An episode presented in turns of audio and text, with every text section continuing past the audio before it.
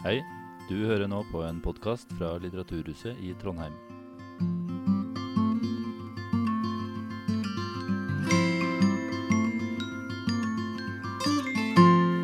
Velkommen til denne kvelden med Sverre Loddgaard omkring temaet Ukraina, bakgrunn og framtidsutsikter. Og kanskje det siste er særdeles aktuelt etter hvert, altså framtidsutsiktene. Men Sverre vil altså dra historie og, og det hele. Dette er da et innslag i serien Grenser, som jeg skal si litt om og spre litt eh, reklame. Fordi at eh, snart, i neste uke allerede, så kommer Linn Skåber og Helene Uri omkring mens vi venter på noe godt. Og så kommer Marie Martha, Antonette Solli, 'Gutter mot verden'. Og det blir kanskje det siste i vår. Men til høsten, hør på det her Åsa Linderborg. Eh, et eller annet i retning av at virkeligheten er mer komplisert enn hevdet. Ella Marie Hetta Isaksen omkring det samiske og kanskje særlig med det samisk naturreligiøse i tradisjonen etter Valkeapää. Atle Grønn, som da uh, usikkert skal snakke enten om sjakk eller om Russland. Muligens en kombinasjon. Og så trekkpusten Arve Tellefsen. På jakt etter tonen.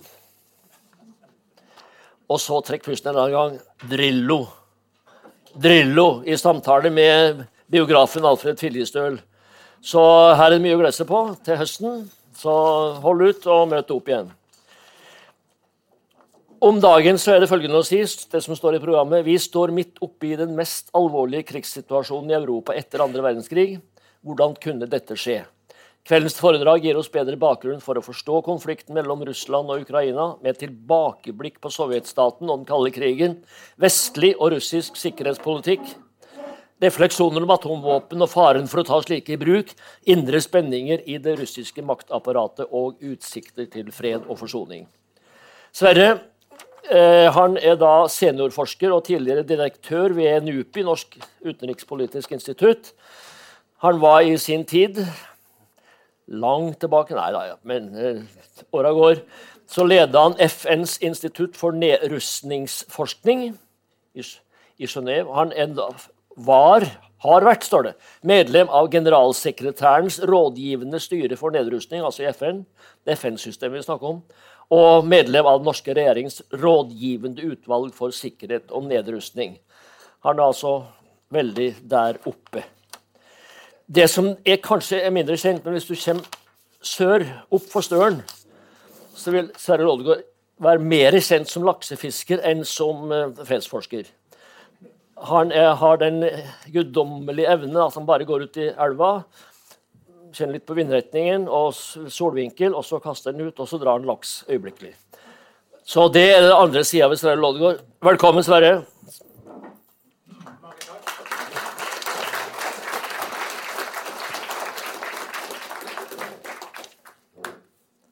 Hører du meg nå? Nei. Nei. Bedre nå? Ja. Det må gjerne tro på alt Per Bjørn sier. Takk for uh, invitasjonen, og hyggelig å se så mye godt folk. Jeg går rett på sak. Skjellsettende begivenheter som inntreffer når man er en gang mellom 15 og 25, har en tendens til å prege oss for resten av livsløpet. Hva vi interesserer oss for, hvordan vi tenker. Og jeg ble født i 1945, kom til Oslo midt på 60-tallet, begynte å interessere meg for internasjonal politikk mens Vietnamkrigen raste, og så kom innmarsjen i Tsjekkoslovakia. Det avfødte hos meg en eh, kritisk holdning, en dyp skepsis til alt som heter stormakter. Jeg er ganske bevisst på det. Det har fulgt meg siden. Jeg er så freidig å mene at det er en ganske god ballast. Især nå til dags fordi at verden er inne i en overgangsperiode fra én verdensorden, den liberale internasjonale, og til noe annet som vi foreløpig kjenner. Dette er en brytningstid, og det er en omformingstid. Så alle stormaktene gjør sitt beste for å utnytte den overgangen til eget beste, er ganske foroverlent, tar seg til rette og på bekostning av internasjonale regler, normer og standarder.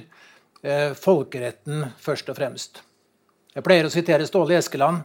Ståle Eskeland, jusprofessor, som i 2011 utga en bok om de farligste forbrytelser etter folkeretten.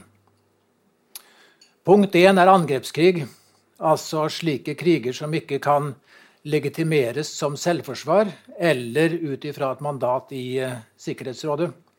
Og Russland i Ukraina er et uh, eklatant eksempel på det. Russerne har brutt uh, all folkerett. FN-pakten, slutterklæringen fra Helsinki, Organisasjonen for sikkerhet og samarbeid i Europa, 1975, Budapest-memorandumet fra 1994 hvor eh, USA, Storbritannia og eh, Russland garanterte for Ukrainas eh, territorielle integritet. Ståle har en liste på sju alvorlige forbrytelser. nummer sju gjelder masseødeleggelsesvåpen, herunder, som han skriver, bruk av atomvåpen. Bruk av atomvåpen kan ikke legitimeres fullt ut i noen sammenheng, for det fins ingen tenkelig bruk av slike våpen som ikke strider mot internasjonal humanitær rett. Og her, og her har russerne begynt å snakke litt omtrentlig, direkte og indirekte, om mulig bruk av atomvåpen. Senest i går, da Lavrov snakket om at dette kunne i verste fall ende i en tredje verdenskrig.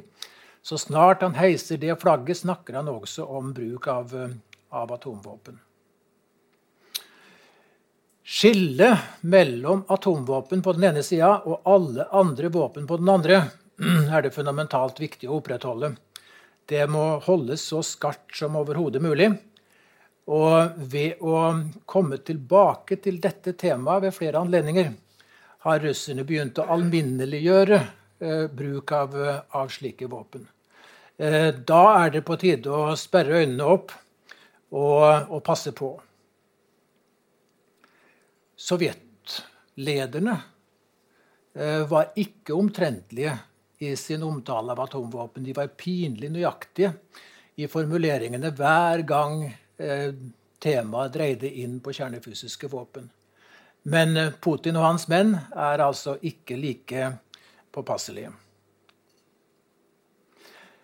Narrativene som eh, førte fram til denne krigen,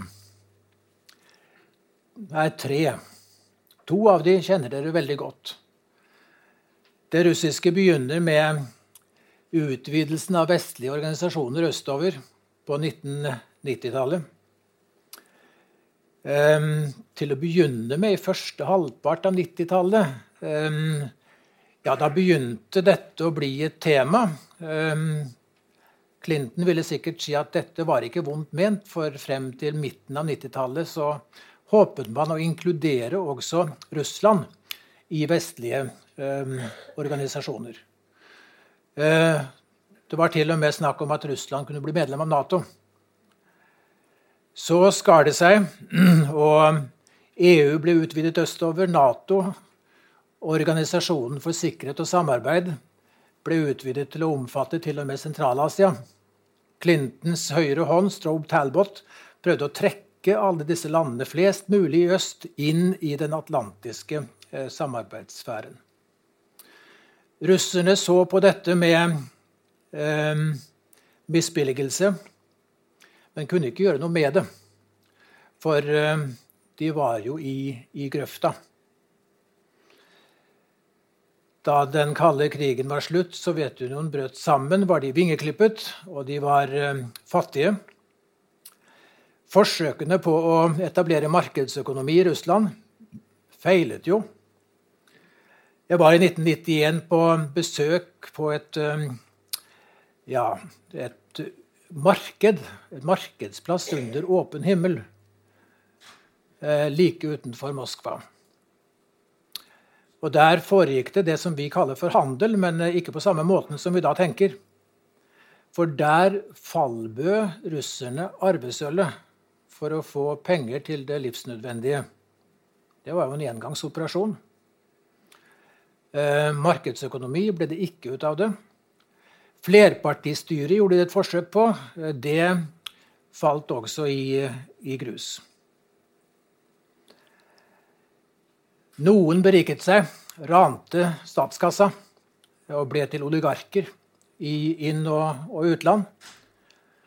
Andre var mest opptatt av Ja, de kjente på smerten ved at det som hadde vært en stormakt, vi kalte det også en supermakt, at dette var redusert til å bli noe mye, mye mindre. Som jeg sa, vingeklippet og, og, lut, og lut fattig. Og da meldte altså tanker om hvordan Russland kunne gjenreises som stormakt seg. Var det rimelig av russerne å reagere på denne måten? da de så at eh, først og fremst Nato gikk opp til Russlands grenser.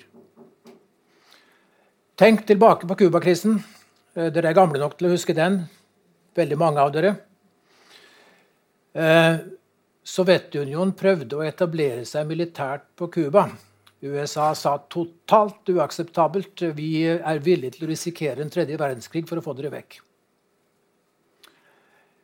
Ingen bør undres over at uh, russerne så på denne utvidelsen som en uh, trussel mot, uh, mot russisk sikkerhet. Det var det russiske narrativet, måten de så det på. Det vestlige narrativet tok utgangspunkt i det faktum at landene i Øst-Europa ville til vest. De var enige om det. De ville til vest og plassere sitt sivilisatoriske anker i, i vestverdenen. Og EU og Nato var enige med seg selv om at uh, man skulle ta imot. Passet egentlig ikke noe særlig godt for EU, men presset var sterkt. Og de, eh, de, aksepterte dette, og vi fikk altså disse bølgene av uh, utvidelser. Natos andre og siste, ikke siste, men den andre store i 2004. Så Ja, så var man altså enige så langt, men dette, denne enigheten omfattet ikke Ukraina, som betyr grenseland. Ukrainerne var ikke enige med seg sjøl. Og Nato var heller ikke enig med seg sjøl. Og EU var uinteressert. Eh, I Nato presset USA riktignok på for å åpne døra for Ukraina. Det var George Bush jr. 2008. Tyskland og Frankrike var imot. og Da finner vi i en eh, erklæring fra toppmøtet i Nato 2008 en snedig formulering, eh, ikke nevneverdig elegant. Ukraina will become a member, står det i en eller annen fremtid. Men eh, alle visste at dette ikke var, var aktuell politikk.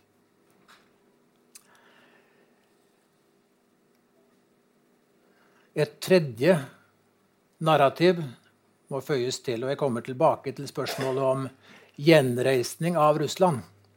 Ja, skulle Russland gjenreises som stormakt, så måtte jo dette bygge på et annet grunnlag enn Sovjetunionen hadde hatt. For Kommunismen var borte, for den saks skyld Warszawapakten og Sovjetunionens enorme militære apparat. Svaret på det spørsmålet ble en kombinasjon av nasjonalisme. Den ortodokse kirke. Tradisjonelle verdier som Kirken sto opp for. Og så, på lang sikt, en imperietanke som er gammel i, i russisk historie, om at Russland og Moskva skal være sentrum for et enormt euroasiatisk imperium. Det begynte å bli lov å drømme den, katolske, den ortodokse kirken, veldig viktig. Patriarken Kirill, fortsatt Kirill, støtter Putin eh, solidarisk. Og Putin lener seg på, eh, på Kirill. I denne Imperietankegangen, som altså begynte så smått å få substans da, ved år, år, årtusenskiftet. Putin kom til i 99, og det var hans fortjeneste at han greide å stabilisere Russland. Greide å få russerne til å skjønne at det var en sammenheng mellom det de sådde om uh, våren, og det de kunne høste noen måneder uh, senere. Og råvareprisene hjalp ham uh, veldig mye. I 2008 sto han frem i, i München. 2007 var det på en stor konferanse der og tok til motmæle mot det som hadde vært vestlig politikk til, til da. Men denne imper i denne imperietankegangen så var hele tiden eh, kontroll med Svartehavets nordlige kyster et fast punkt. Eh, Russland, for Russland har adgang til isfrie havner eh, alltid vært en flaskehals. Og det å ha kontroll over kystlinja i nord i Svartehavet, eh, basen i Sevastopol, Eh, det, det, ble hele tiden ansett som eh, veldig viktig.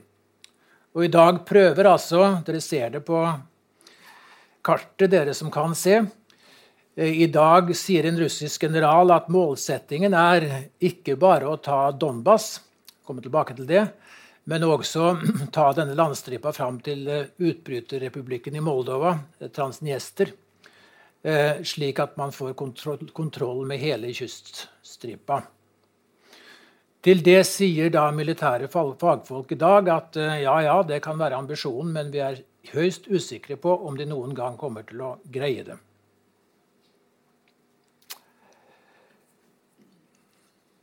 Da jeg kom til NUPI 1997, så kom Aftenposten på besøk. Skulle ha et eh, såkalt tiltredelsesintervju. Og jeg sa, og jeg var godt klar over at det kom til å bli overskriften, en utvidelse av Nato er en dårlig idé hvis tid har kommet. For jeg tenkte man skal ikke være stor spåmann for å skjønne at når Russland kommer seg opp, i hvert fall i knestående, så snart de greier det, så kommer det til å bli et, et motstøt. Og dette ble da, ble da overskriften. Eh, jeg, var, jeg, har allerede nevnt Putin i München i 2007. Den første reaksjonen på hans tale fra, fra levra, ehm, det var overraskelse, og så forbitrelse. Overraskelse, det sier meg at det hadde gått for lett. Um, det var som om man sa 'tar du den, så tar du den'. Utvidelse på utvidelse. Og så oppdager man altså på et tidspunkt at dette kanskje har gått i lengste laget. Og i amerikansk politikk så manglet det ikke på advarsler. Eh, den første som var ute, som Thomas Friedman eh, gjengir i New York Times sin artikkel nylig, var med George Kennan. Mannen bak oppdemmingspolitikken mot Sovjetunionen etter, eh, etter første verdenskrig da den kalde krigen begynte. Eh, vellykket oppdemningspolitikk. Han eh, skrev i 1998 eh, at hvis dere fortsetter med dette, kommer det, til å ende i en ny kald krig. Friedmann skriver stemmen hans var skrall. Han var gammel, gammel mann. noen og nitti. Men hodet var, hodet var klart. Og han gjengir ham i to sånne fyldige avsnitt som sier meg at antagelig har han svart skriftlig på noen av Friedmans eh, spørsmål den gangen. Han var ikke den eneste. Bill Perry, Clintons forsvarsminister, sa i 2016 at i senere år er det Russland som bærer hovedansvaret eh, for det uføret vi nå er inne i. Men går vi lenger tilbake i tid, mener jeg at mesteparten av ansvaret faller på vestlige skuldre. I mars 2014 skriver Henry Kissinger under overskriften 'How the Ukrainian Crisis Will End' og sier at det er gale-Mathias å prøve å plassere dette landet, Ukraina, i øst eller i vest. Ukraina bør være en bro mellom, eh, mellom øst og vest. Eh, det manglet altså ikke på, på, advarsler. Men så er poenget at denne tradisjonen, som vi kaller den realpolitiske i, i mitt fag, eh, det er en tradisjon som er døende og død i amerikansk politikk for disse realpolitikerne. Som hadde en glanstid under George Bush' far. Eh, de hadde jo partipolitisk tilhold i det republikanske partiet. Og det er noe helt annet. Jeg håper det er noen som i det partiet fortsatt som vet hva realpolitikk innebærer, men jeg er ikke sikker. Ehm, det er ikke umiddelbart eh, innlysende. Tenk tilbake på avslutningen av den kalde krigen og oppløsningen av Sovjetunionen. Ja, Gorbatsjov spilte naturligvis en viktig rolle, men det gjorde sannelig også den amerikanske administrasjonen. Anført av George Bush far, av sikkerhetsrådgiver eh, Scoville Nei, Scowcroft. Og eh, utenriksminister Jim Jim Baker. Glimrende politikere som så at Russland havnet der nede, men som fortsatt viste dem respekt. Og den kalde krigen ble altså avviklet gjennom forhandlinger. Og Sovjetunionen ble oppløst uten at det ble avført et skudd. Dette var eh, statsmannskunst. Jeg kunne si mye mer om det, eh, også fra amerikansk side. Eh, det er leit at den tradisjonen ser ut til å være borte fra et USA som jo har problemer med å fungere politisk i dag. Fordi at Ja, dere vet veldig mye om det. Litt mer om Ukraina før jeg går videre. Ukraina. Eh, flateinnhold litt større enn Frankrike. 44 millioner mennesker. millioner, 17 millioner russere i øst. På lista over land, eh, listet etter grad av demokratisk styre, eh, befinner Ukraina seg som i 2021 som nummer 86. Eh, dette er Economist Intelligence Unit som fører denne lista eh, fra år til neste. Eh, på Transparency Internationals liste over korrupsjon var Ukraina i fjor nummer 122. Styresettet har altså vært i høy grad mangelfullt så, så langt. Krim, Donetsk, Luhansk. De navnene står vel på kartet um, uh, ser østover.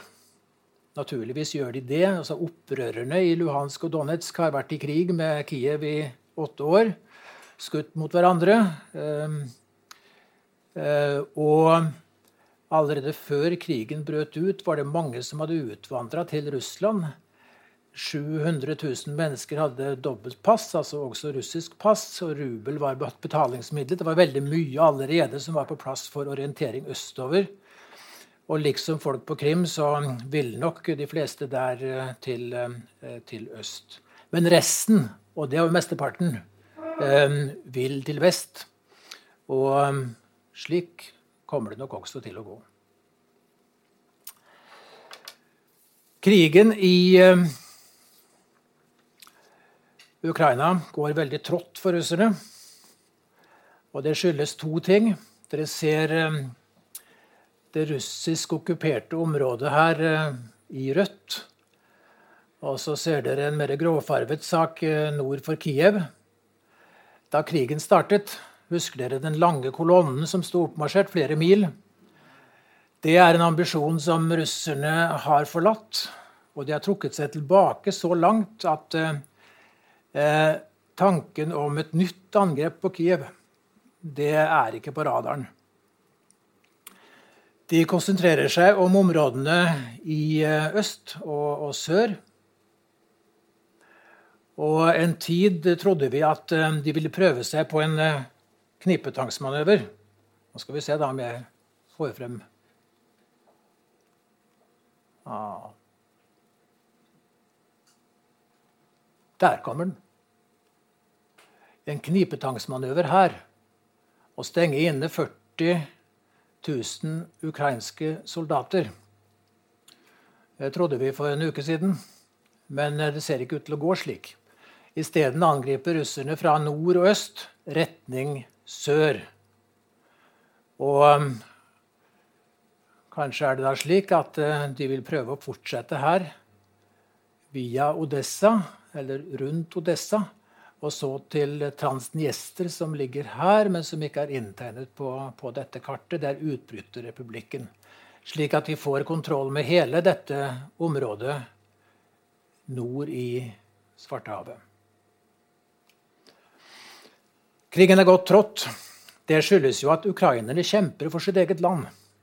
De kjemper hardere enn eh, noen hadde tiltrodd dem. De er innovative. De har stort sett uh, hatt gamle våpen fra sovjettiden, men får nå våpen fra vest så det monner. Og jeg ser egentlig bare to grenser, eller to uh, begrensninger, uh, på den våpenstrømmen. det ene er at de vestlige landene går ikke inn på bakken med egne soldater. Og det andre er at de vil ikke erklære noen flyforbudssone. Men under disse begrensningene virker det som det er ganske fritt fram. Og det er klart det hjelper ukrainerne. Det gir dem mot. Gir dem eh, kamplyst. Og de, de står altså på og eh, gjør at eh, store russiske ambisjoner ikke har slått til. Men den andre forklaringen var lenge ikke like åpenbar. Når det er gått så trått for russerne, så er det fordi at det står ikke bedre til med den russiske militærmakten. Det der har jo noen av oss visst hele tiden, mer og mindre. Ukraina har avdekket det, men bare ved å se på statistikken eh, fra de siste seks-sju årene, kanskje lenger tilbake i tid også, så ser man jo at ressurstilgangen har vært veldig beskjeden. Ikke til å undres over. Eh, EU-landene har forsvarsutgifter samlet da, tre-fire ganger det russiske. Folketallet er fire ganger. Nasjonalproduktet er ti ganger. Det russiske nasjonalproduktet er på linje med Spanias. Så når krigen er gått så dårlig, er jo det også en refleksjon av eh, den beskjedne ressurstilgangen. Og vi har sett det i logistikken, eh, vi har sett det i mangelfull trening. Vi har sett det i form av våpen som kommer ut av depotene etter å ha ligget der aldri så lenge og ikke hatt vedlikehold. Og det er ikke da alt som, som fungerer som, som, forutsatt. Det russiske militærbudsjettet var i 2020, som er foreløpig det siste tallet som jeg har, 62 milliarder dollar. Mye av det går til kjernevåpensektoren, hvor hvor Russland prøver å matche USA på noen dimensjoner, viktige dimensjoner. Storbritannia med en liten atomstyrke 59 milliarder dollar. Tyskland uten atomvåpen 52, men plusser nå på veldig mye. Og overgår antagelig alene eh, det russiske, det russiske budsjettet.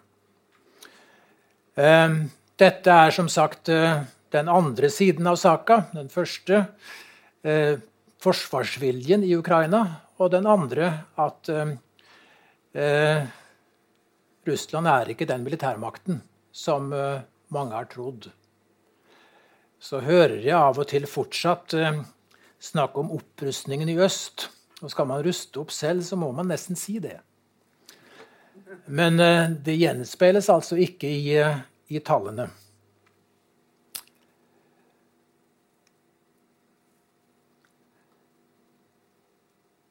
Begge parter tror fortsatt at de kan vinne fremgang på slagmarken. Og så lenge det er slik, så står forhandlingene i stampe.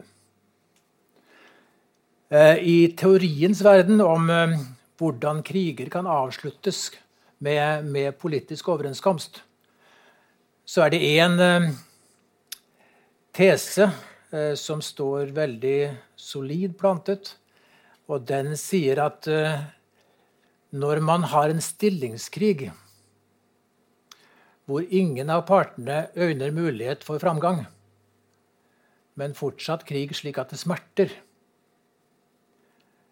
da er det sjanse for at man kan få i gang forhandlinger og få til en fredsløsning. Særlig hvis partene er kjent med at det eksisterer forslag som eh, kan tenkes å bringe dem ut av, av uføre. I form av noe som har vært diskutert allerede, eller foreslått gjerne av tredjepart i en eller annen, en eller annen sammenheng. Men poenget er at partene er ikke der. Og det ser ut til at uh, krigen uh, kan bli langvarig. Det var noen optimistiske rapporter fra forhandlingsbordet for en del uker siden, men de har, uh, de har stilnet. Det er vel ingen som tror så mye på det. Sanksjoner er en annen del av den dragkampen som, som finner sted.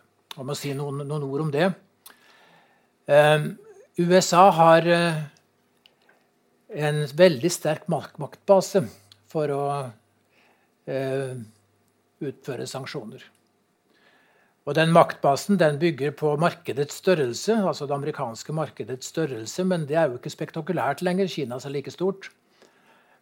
Um, det bygger på dollarens stilling som reservevaluta. Dollaren svarer for ca. 60 av eh, den totale eh, valutabeholdningen i, eh, i, verden. Og så, og det er viktigst, den amerikanske kontrollen med det internasjonale finanssystemet. Det er USA som kontrollerer Swift-systemet, som har 11 000 medlemmer. Der er banker, det er store selskaper, forsikringsselskaper, det er rike enkeltpersoner individer. Alle sammen er avhengige av å bruke dette systemet for å overføre penger over eh, landegrensene. Da det ble klart Jeg var oppe i Kirkenes på det tidspunktet, helt i begynnelsen av krigen. Da det ble klart at uh, dette våpenet ville ville bli brukt mot russerne, dette kalles den økonomiske atomknappen, så visste folk i Kirkenes at nå er det bare å pakke sammen. Kimek, stor bedrift spesialisert på reparasjon og modernisering av russiske fiskebåter. Bare å entledige hele staben. Ut. Dette er et brutalt og, og særdeles eh, effektivt eh, virkemiddel. Eh, antydningsvis det finnes fire kategorier sanksjoner. Den første økonomiske sanksjoner som retter seg mot handel i første rekke, det rammer jo hele nasjoner. Individuelle eller målrettede sanksjoner, som det på fint heter, eh, rettes mot enkeltindivider i eh, motstanderens lederskap. Frysing av bankkonti, eh, visanekt, svartelisting i forhold til, til deltakelse i, i markedet den typen ting.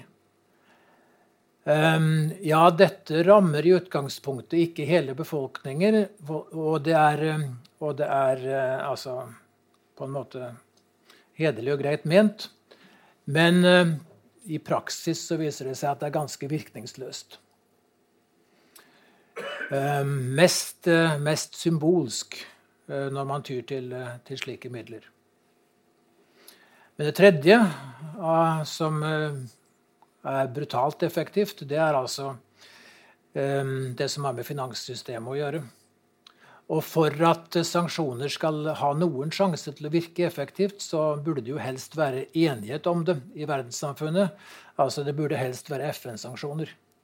Men da er poenget at um, hvis man ikke får FN-sanksjoner, så kan USA f.eks.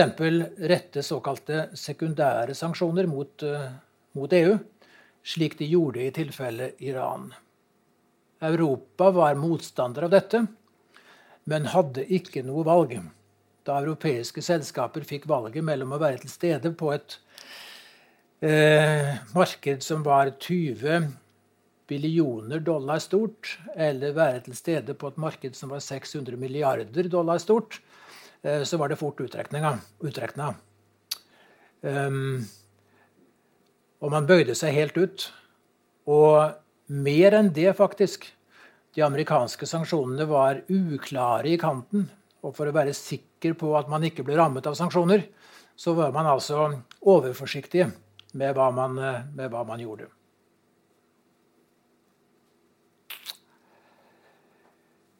Eh, for at sanksjoner skal kunne virke effektivt, må det i det minste være klart eh, at de kan oppheves, og hva som skal til for at eh, de skal oppheves. Altså Motstanderen må vite hva han skal strekke seg etter. Det må være rimelig klart definert og troverdig.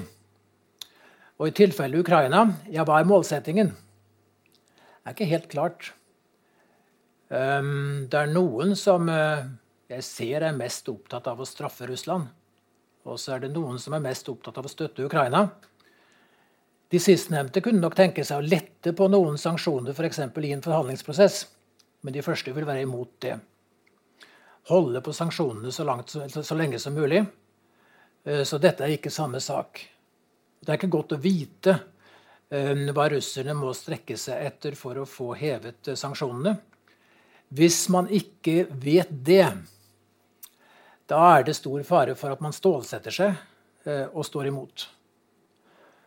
Eh, det er det som har skjedd i Iran. Eh, det har kostet dem dyrt. Men når de nå sier at de har nøytralisert sanksjonene, så betyr det at de har greid å stabilisere økonomien på et betydelig lavere nivå enn ellers ville vært tilfellet, men det er ganske stabilt. Og de selger også, de selger også da eh, ca. 1 million fat olje i døgnet. Um, noe til Kina, ganske regulært. Um, og ellers kan jo transporten til konsument være ganske kronglete. For uh, i stor grad så er det jo også et spørsmål om smugling. Men uh, man, finner, man finner veier.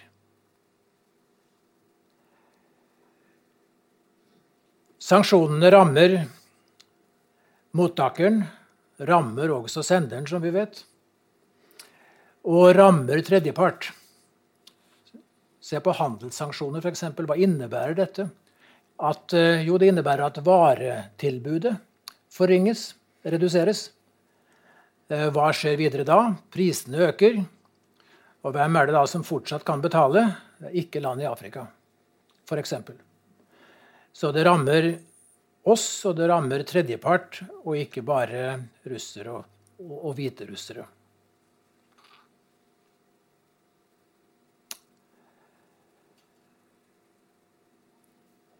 Jeg sa at uh, forhandlingene er skjøvet liksom på sidelinja. Men allikevel kjenner vi nok hovedelementene i denne dragkampen. Og det begynner altså med Ukraina mot EU. Ukraina har søkt om medlemskap, eh, men veien kan være lang. Tyrkia søkte i 1999. Har fortsatt ingen sjanse, men det skyldes jo mye tyrkerne selv. Men hvis vi går tilbake til i tid, så hadde man de såkalte København-kriteriene om menneskerettigheter og styreform. Den egentlige årsaken tror jeg var at uh, Tyrkia er for stort. Og så ble det under Erdogan etter hvert annerledes også. Så den søknaden kan vi sett parkere ved siden av. Men det er et par land på Balkan som ligger foran Ukraina i køen. Er 35 sektorer som skal forhandles i forhold til, til EU. Altså det å bli medlem av EU, kjære norske landsmenn og -kvinner, det er en veldig altomfattende, ja, det er en altomfattende eh, sak. Um, så det, det, krever sitt, og det krever sitt over hele, over hele fjøla.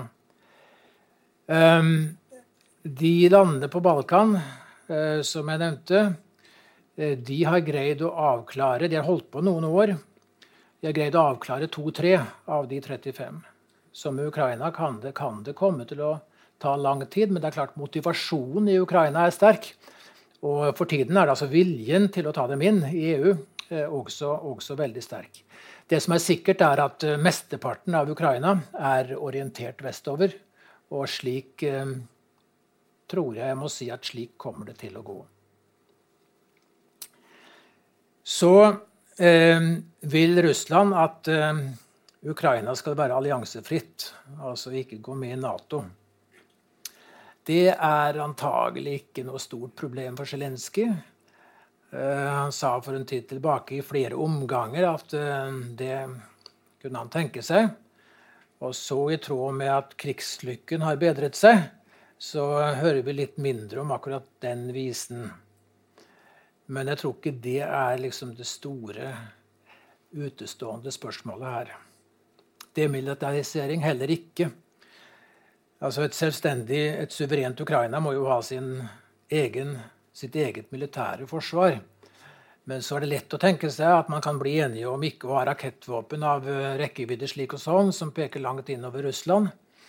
Det er lett å tenke seg at eh, man ikke har utenlandske baser i, eh, i Ukraina. Det der er forhandlingsbart. Men så kommer et russisk krav om denazifisering. Og det er litt kilent. Jeg tror jeg må si med en gang at Det å granske hjerter og nyrer for å finne ut hvem som er nazister og hvem som ikke er det, det er en uh, ganske umulig oppgave. Og russerne har selv vært inne på det. Men dermed er ikke alt sagt. Um, de som nå forvitrer i stålverket i Mariupol, Azov-regimentet kalles nå det ekstreme høyre. Andre sier eh, ja, det er brunt. Atter andre sier at eh, det er nok en faktor her som kanskje er enda verre. Og det går tilbake i historien til 30-tallet. Til den store katastrofen i Ukraina som de omtaler som holodomor. Eller holodomor. Og det var altså Stalins beslagleggelse av kornkamrene i eh, Ukraina for å få ressurser til Den røde armé. Folk lå i veikantene og døde. En enorm katastrofe. Skjellsettende igjen. Og um, har levd videre i lang ettertid og lever videre i dag. NKVD, KGBs forløper, spilte en viktig rolle i holodomor. Og ledelsen i NKVD på den tiden var i høy grad jødisk. Og her sier altså noen at ja, ekstremt høyre, brunt, ja ja, men eh, først og fremst antijødisk. De har en, eh, de har en fortid her i, eh, som de bærer på, eh, og som de selv på en eller annen måte må gjøre opp må ta et oppgjør med. I det oppgjøret hører også Stefan Bandera inn. En fanatisk nasjonalist som gikk i tysk tjeneste i begynnelsen og slutten av verdenskrigen. Om han var nazist, vet ikke jeg, men han gikk i hvert fall inn på, på tysk uh, side. Så skjedde det da i 2007 at uh, det ble reist en statue over ham i Lviv. Og I 2010 ble han også gjort til eh, helt av Ukraina. En ytterst tvilsom, veldig voldelig figur, dette. Og han hører også med i det oppgjøret som de må ta med denne delen av sin egen arv. Jeg var i Moskva i desember i fjor internasjonal konferanse. 20-25 mennesker fra ti forskjellige land. Vi fikk, vi fikk, besøk av en eh, russisk general som snakket om behovet for denazifisering av Ukraina. Det var utenom programmet for øvrig. Jeg så ned, og jeg gløtta bort på de andre, som også så ned. Men um, når vi snakket litt om det etterpå, uh, så var liksom omkvedet ja, ingen uh, røk uten ild. Ikke her heller. Det siste elementet, det sjette, det gjelder da Krim. Krim som uh, er en del av Russland, og som har vært en del av Russland siden 17 noen og 80 fra Katarina den stores eh, tid. Eh, viktig marinebase i Sevastopol. Folk på Krim ville til Russland. Og det ble gjort en uh, folkeavstemning der som uh, Jeg tror du må si dokumenterte det. Det var vel aldri noen tvil om det.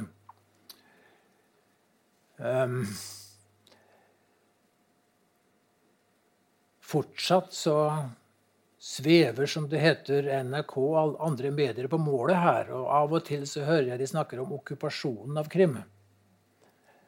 Nå ja, hvor fant de slagene sted? De fant ikke stedet. Eh, hvor mange menneskeliv gikk tapt? Svaret er null. Det var ingen stridigheter. Russerne sendte inn såkalte grønne menn, altså sine menn, eh, men ikke i vanlige uniformer. For en eller annen eh, jækla ordning måtte det jo være på det hele.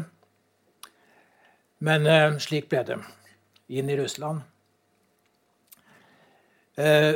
Vesten sa at folkeavstemningen var ulovlig. Og det var den nok juridisk sett. Men realiteten kom nå allikevel til uttrykk gjennom den folkeavstemningen. Vesten har ikke et helt godt rulleblad der når det gjelder folkeavstemninger som de ikke liker. Altså I Algerie hadde man en folkeavstemning for eh, ikke så veldig lenge siden. Vesten sa 'beklager, galt resultat'. Eh, I 2006 hadde Palestina valg. Hamas vant. Vesten sa eh, beklager, eh, galt resultat. Dette anerkjenner vi ikke. Norge var et unntak. Jonas Gahr Støre anerkjente det, anerkjente valget. Sammen med to, tre, tre tror jeg, andre land. Det var bare fire. Han ble kritisert etterpå fordi han skulle ha forberedt dette bedre, men eh, det var nok ikke så greit, det, da. Eh, man måtte jo gjøre det rimelig raskt, så man hadde ikke all verdens tid på seg. Han gjorde i hvert fall etter mitt skjønn det rette med å anerkjenne. Men her eh, tok man seg den frihet å si at ja, ja, galt resultat, vi anerkjenner ikke. Selv om man nok hadde jussen på sin side, fordi at da var jo altså i forkant da, for valget eh, Krim en del av Ukraina. Og Zelenskyj sier nå at han ikke vil avstå noen del av, eh, av territoriet.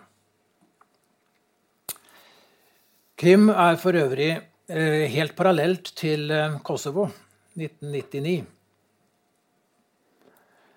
Eh, den gangen støttet jeg den militære kampanjen mot eh, Serbia for å frigjøre Kosovo kosovarene ville ut av samlivet med, med, Serbia. Jeg la mye vekt på det. Um, dette var folkerettsstridig. Og noen av oss sa, mange, ganske mange av oss sa at uh, vi betrakter dette som et unntak fra regelen. Og lite ante jeg da at unntaket snart skulle bli regelen, den nye regelen. slik det ble altså i begynnelsen av, av dette, dette, århundret. Men Krim er ganske, ganske parallelt. Rent bortsett fra at Nato altså bombet Serbia i 75 dager for å få det til i Kosovo. Det gikk mye lettere for, uh, for russerne. Men igjen, jeg tror vi må si med omtrent samme sikkerhet om Krim som jeg sier med sikkerhet at Ukraina kommer til å gå vest. Uh, det er et uh, Alt tyder på at Krim er i Russland for, for godt. Jeg skal avslutte med noen eh, løse tanker om eh, verden etter Ukraina. Som en slags invitt til å tenke i lengre og bredere perspektiv. Det skal være ganske kort. Det rustes opp overalt i verden.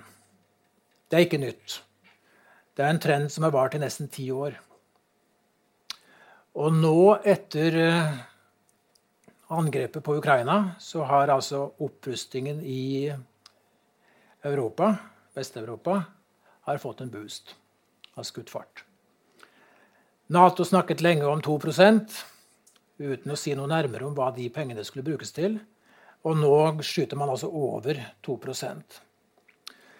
Og da må en spørre, med henvisning til det jeg allerede har sagt om den russiske militærmakten, hvor mye er nok? Altså hvor mye sterkere eh, enn Russland må vest være for å kjenne seg rimelig trygge. Nå har altså Russland vist en eh, vilje til å utvide sitt eget territorium, jf. Krim, og til å skaffe seg buffere, kall det gjerne interessesfære, eh, i, sin, i, sine nærmeste omgivelser. Eh, Sør-Ossetia, Abkhasia, Transniester, Donetsk, Luhansk Russerne har jo støttet disse opprørerne. Alt det der. Forsøk på å som sagt, skaffe seg mer kontroll over sine nærmeste omgivelser. Og Da er det ikke rart at folk eh, rundt omkring tenker, som i Finland og Sverige, at de selv kan være i fare når man står overfor en makt som går frem så brutalt som russerne har, har, gjort. Og det er vel nå slik at Sverige og Finland går med i, i Nato. Men hvis en går tilbake og ser på eh, det som er avdekket i Ukraina da, om den russiske militærmakten og hva den er god for, så går det jo lett an å komme til den konklusjon at eh, landene i vest, Nato-landene i vest, burde kunne aldri kjenne seg Eller kunne ikke kjenne seg så trygge eh, på sin egen sikkerhet ja, det tryggere nå enn på lang tid. Um, for hvor skulle russerne ta kraften fra hvis de skulle begynne å angripe et Nato-land. Slik som maktforholdene er i Europa nå. Det er jo helt gale, Mathias. Det vil være fullstendig irrasjonelt. Eh, da må man liksom være helt på viddene i huet sitt hvis man, hvis man skulle finne på noe sånt. Men eh, jeg syns det som skjer i Europa med opprustningen i eh, de vesteuropeiske landene, det er veldig interessant fra et annet, helt annet perspektiv. USA eh, har konkludert med for lengst at de gikk seg vill i Midtøsten.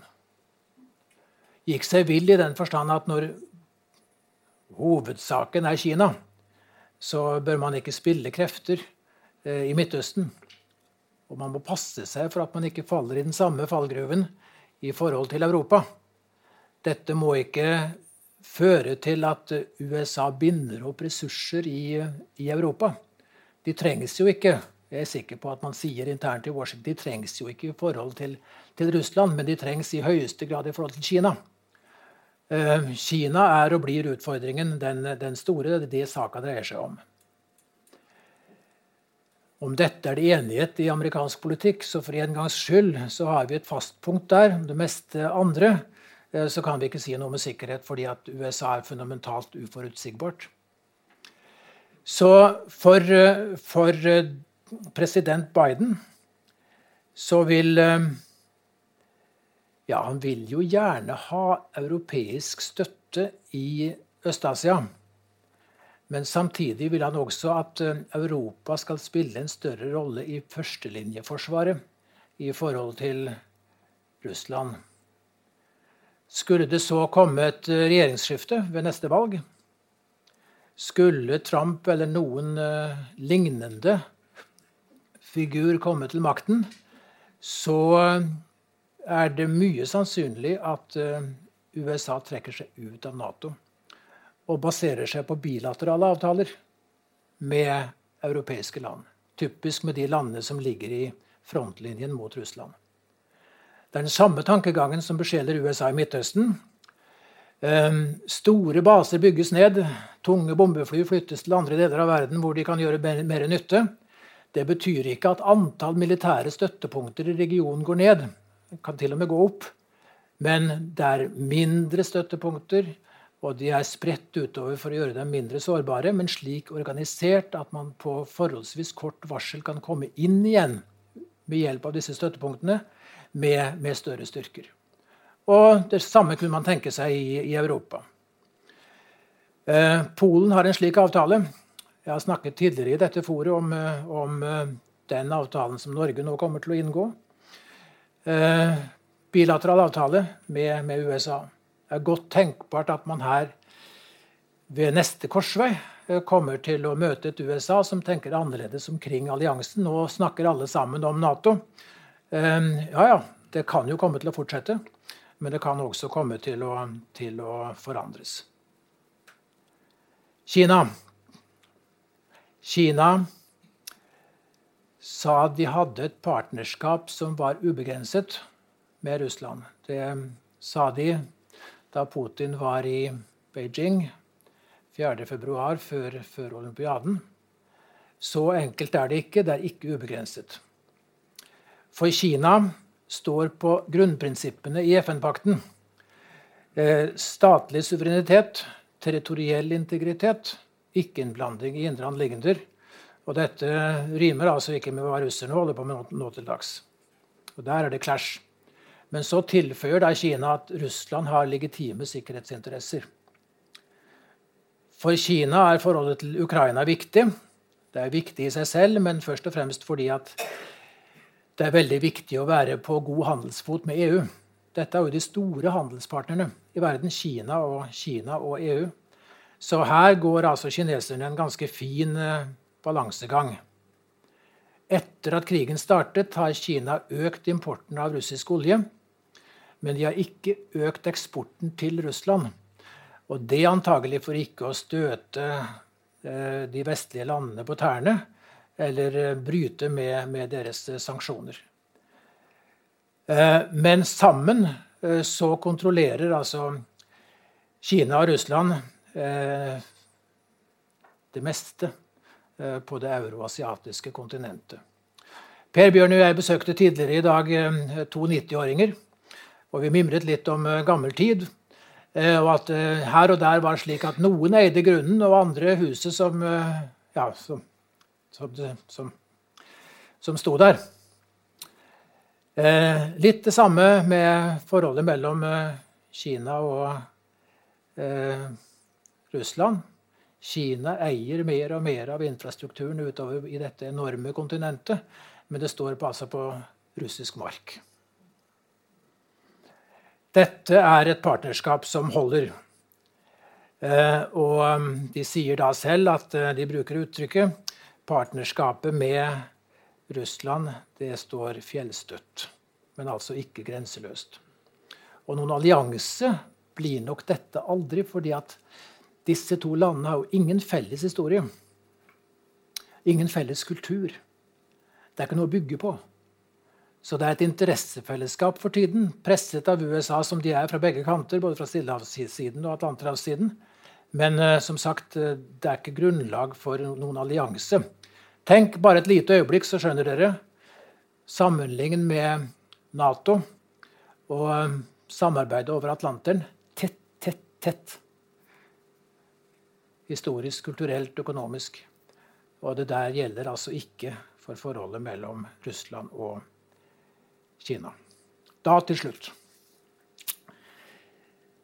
Eh, jeg er redd for at det som skjer i Ukraina, kan få andre stormakter til å gjøre enda mer av det de er i gang med, og som jeg begynte å snakke om, altså ta seg til rette. Se på Kina. Sør-Kina-havet. Eh, Filippinene klaget Kina inn for Den internasjonale domstolen Eh, vant på alle 14 punkter. Kina ga bengen. Russland har vi snakket om. Se så på India. En egen tendens til å gå under radaren.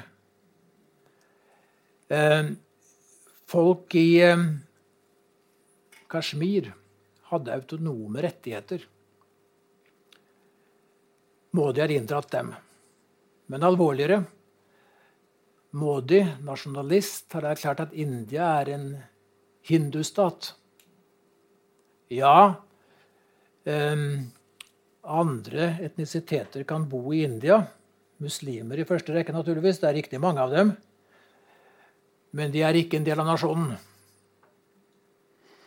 Uh, og av det følger ganske mye om rettigheter og plikter i praksis. Uh, dette går han av med. Eh, USA har militære støttepunkter rundt omkring i verden. Ca. 800 av dem. Det er ikke lett å definere dette som en interessesfære. I begynnelsen av, altså For 20 år siden så slo de an en tone som mange liksom bet på. USA sa at dette med interessesfærer det er jo gammeldags. Eh, gammeldags, og, og, jeg hørte det også her til lands fra ledende politikere.